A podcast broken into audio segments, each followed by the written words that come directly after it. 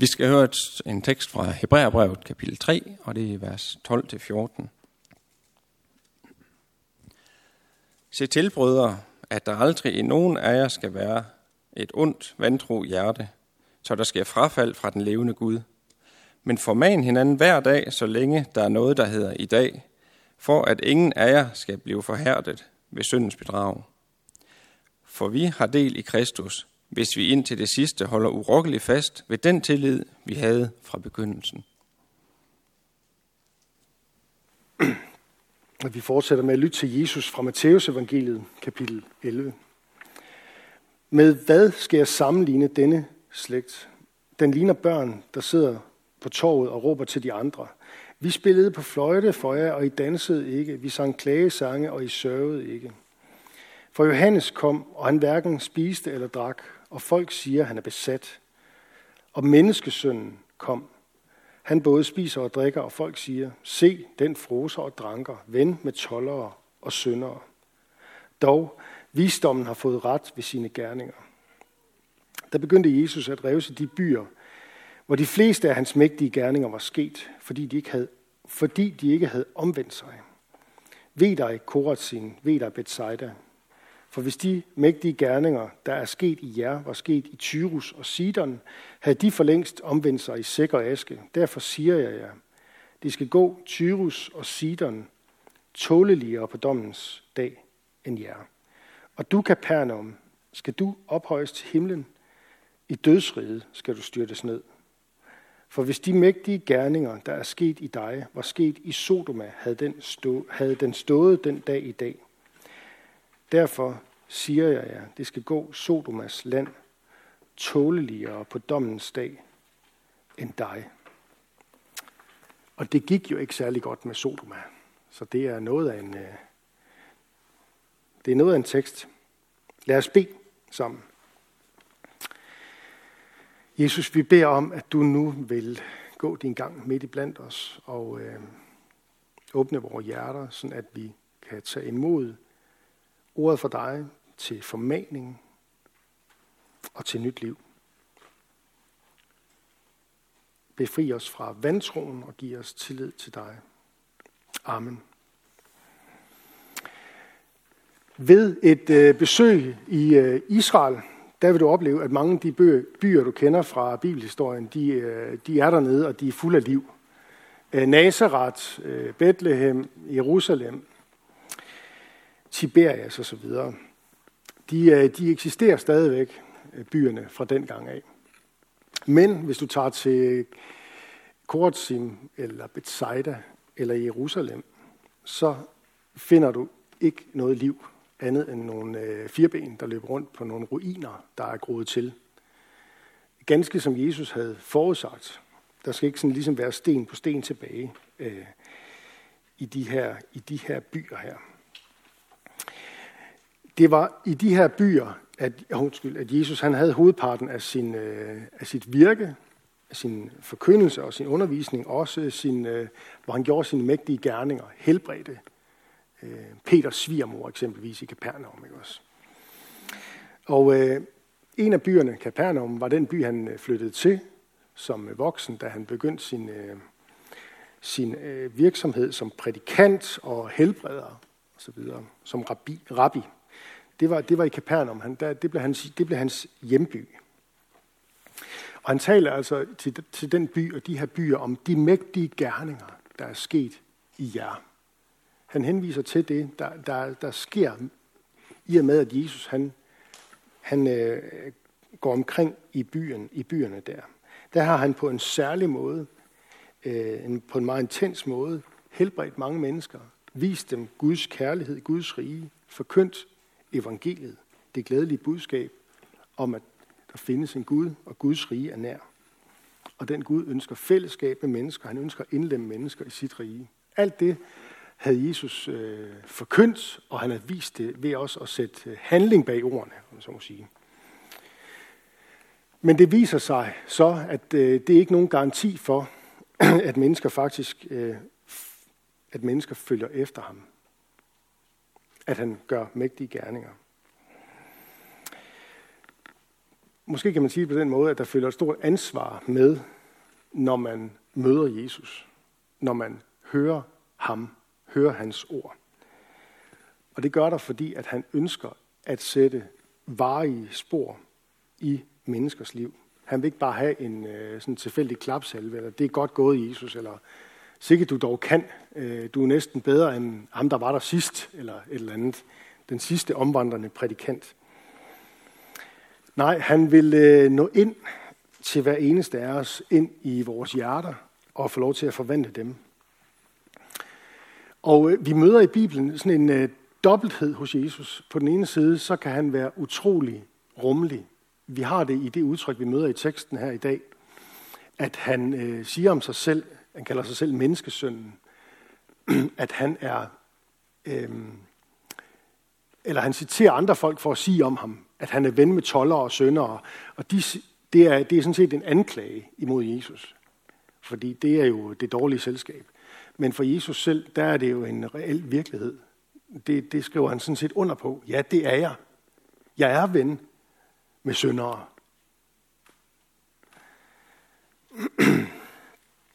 Den rumlige Jesus, han fik et rygte for at være en froser og en dranker, og for at være sammen med de forkerte mennesker i andre, i de, i de rigtige menneskers øjne. Det er sådan den, den rumlige side af Jesus. Vi møder den flere gange, øh, ofte i, i Bibelen, hvor han ikke sådan tager hensyn. For eksempel også der, hvor han, der kommer ti spedalske, der er en beretning, hvor der kommer ti spedalske til ham, og han helbreder dem alle sammen. Men de ni, de glemmer det. Der er kun en, der kommer og siger ham tak. Eller siger Gud tak. Der er kun en, der forstår, at der er en forbindelse mellem Jesus og Gud her. Så når Jesus helbreder mig, så siger jeg Gud tak. De andre ni. Men Jesus skældner ikke. Han spørger ikke til deres tro først. Han helbreder alle ti. Det er, den, det er den rummelige side af Jesus. Og så har vi så også den meget, meget tydelige side. Og den møder vi i dag meget øh, intenst. Ham, der skuer i vores ører. Dommedagsforkynderen. Han taler jo om dommens dag. Altså fuldstændig bare sådan, som noget helt naturligt. Noget, der må komme.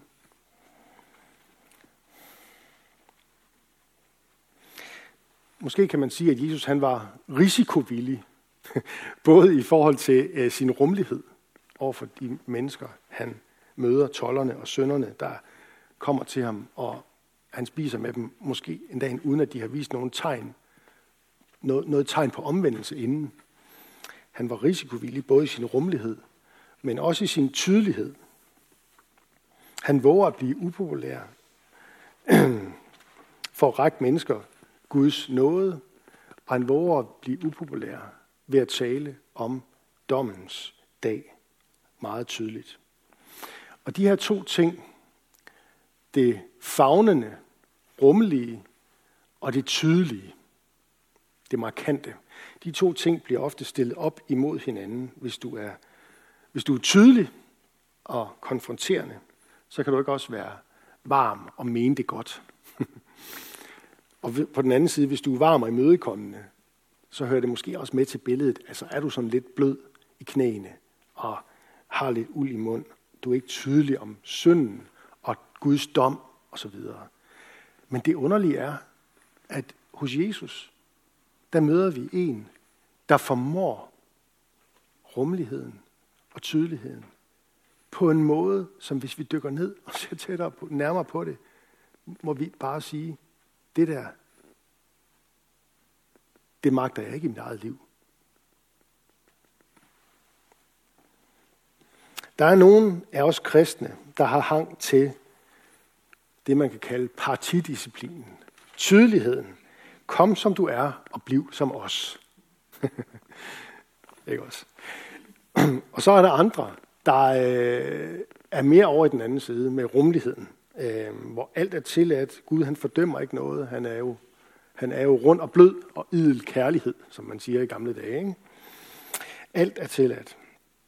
Og det er klart, at det, begge sider her kan blive rendyrket på en måde, så det bare går helt galt. Der skal være plads til at være undervejs. Der skal være plads til at være i krise. Der skal være plads til at lide nederlag. til at være et syndigt menneske. Grunden til, at Jesus han er så tydelig omkring dommen og fortabelsen, det er to ting. Den ene, det er, at for det første, så er det fordi, at dommen, dommedag og fortabelsen er en reel mulighed. Vi mennesker, vi fødes fortabte. Vi fødes vendt væk fra Gud. Vi har brug for at blive født på ny. For ikke at ende der under Guds vrede på dommens dag. Sådan taler Bibelen meget tydeligt om det. Gud vil en dag dømme verden og dømme menneskeheden. Der er ingen vej udenom.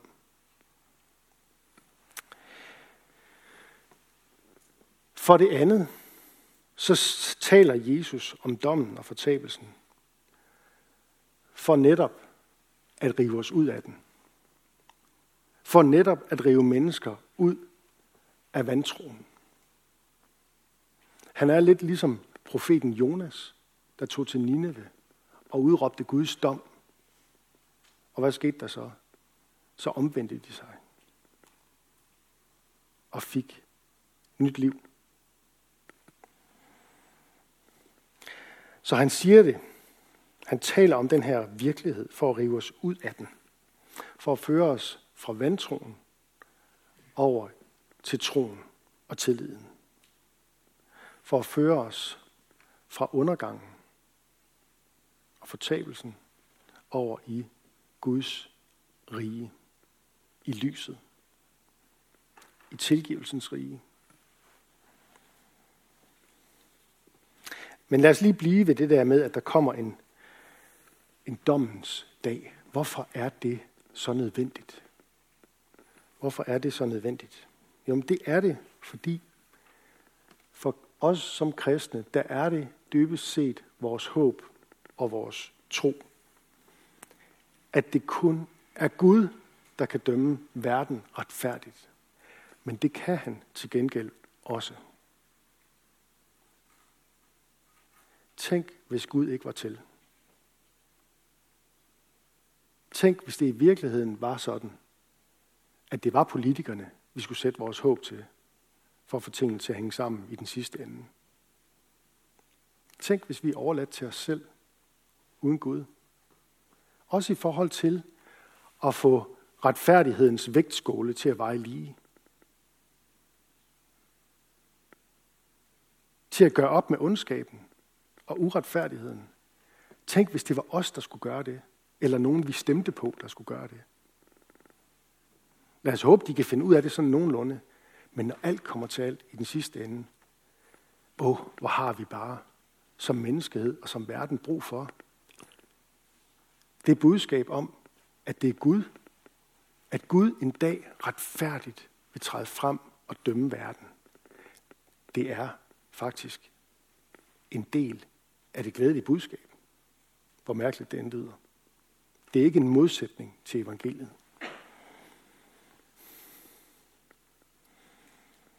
Vi venter på Guds dom, og vi burde faktisk øve os i at vente på den med længsel. For verden, den virker så ude af kontrol. Ikke? 2020, kan det blive værre?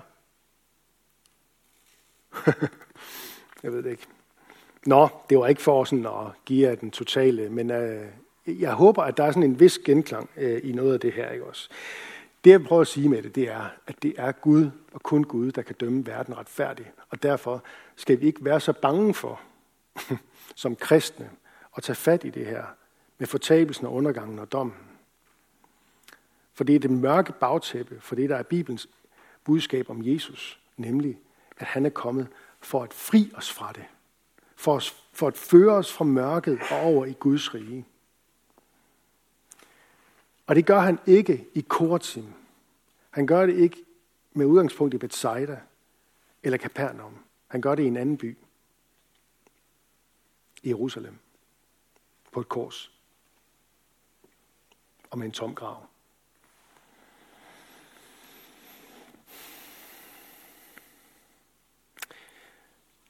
Og så lige et par ord om det der med, at øh, som jeg sagde til indledningen, med, med, øh, Jesu mirakler under, de sker i en meget koncentreret form i de her byer, der i dag ligger som ruiner. Øh, fordi der var så meget vantro.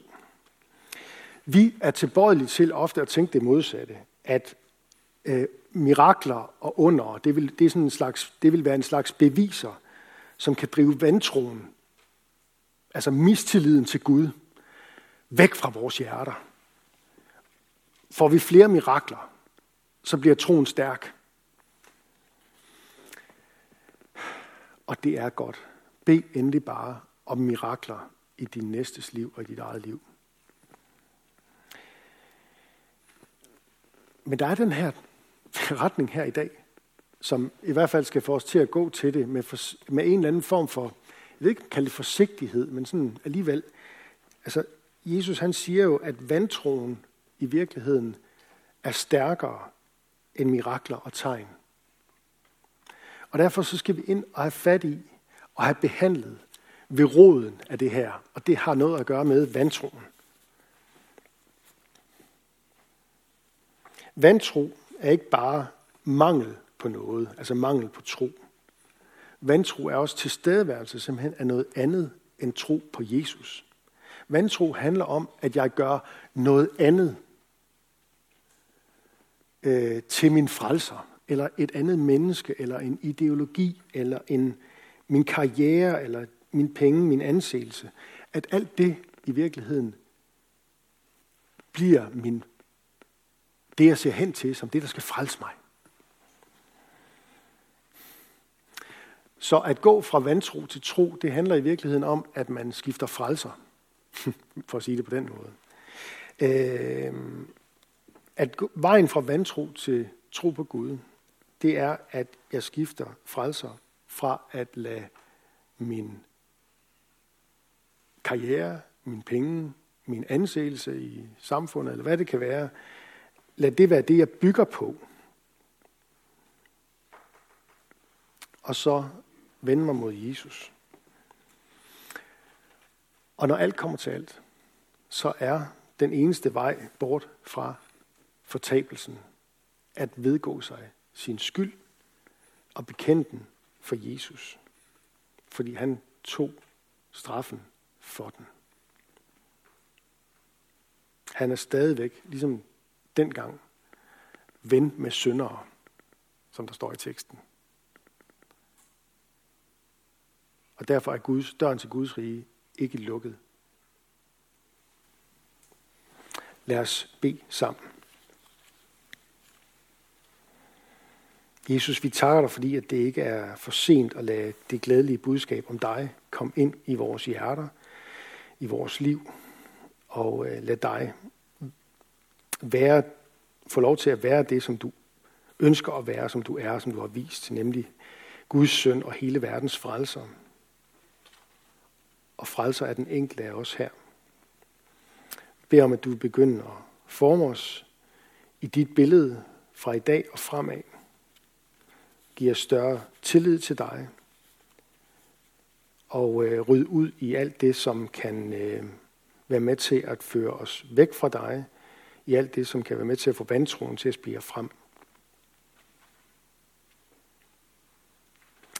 Vi takker dig for fællesskabet her omkring gudstjenesten. Tak fordi vi kan mødes i, i frihed og tilbede dig. Vi beder for menighedens børn, både de fødte og de ufødte. Beskærm du dem og lad dem få lov at vokse op i tro på dig. Vi beder for menighedens konfirmander, både dem, der skal, snart skal starte op, og dem, der skal have, forhåbentlig snart skal, skal konfirmeres her om nogle uger. Lad dem vokse i øh, fortsat tillid til dig. Vi beder for ægteskaberne og de, som lever alene. Giv os din kraft over vores liv og samliv. Vi beder for Skærn by og omegn, at du må blive kendt troet, elsket og efterfulgt. Jesus. Vi beder for Niels Jørgen Fogh, menighedens vejleder, velsign ham i hans tjeneste. Og så beder vi dig om, at du vil være nær hos alle, der er ramt af sorg, sygdom og lidelse. Giv os mod til at være til stede og visdom til at lindre smerten hos hinanden. Bed os om, at du vil være nær hos os, når vi oplever liv og fest og ja, lys. Tak fordi, at glæden kommer fra dig. Du er glædens herre. Lad os være stille et øjeblik og bede for en situation eller et menneske, der har brug for Guds hjælp.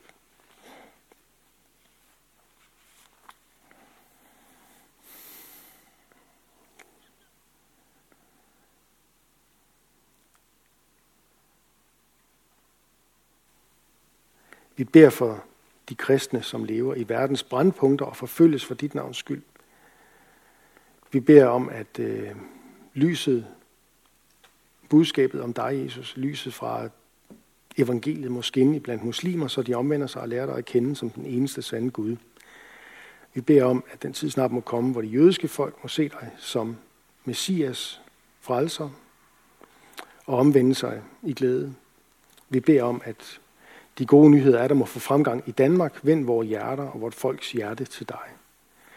Vi bekender vores medansvar for kirkens og folkets forfald. Vi bekender vores mangel på tro, lydighed og kærlighed. Giv os mere af det, Jesus. Vi beder for alle, der er blevet betroet magt og autoritet. Hjælp dem og os til at værne hinanden imod uret og vold. Og kom så snart og gør alting nyt. Du som er dommer over levende og døde. Amen.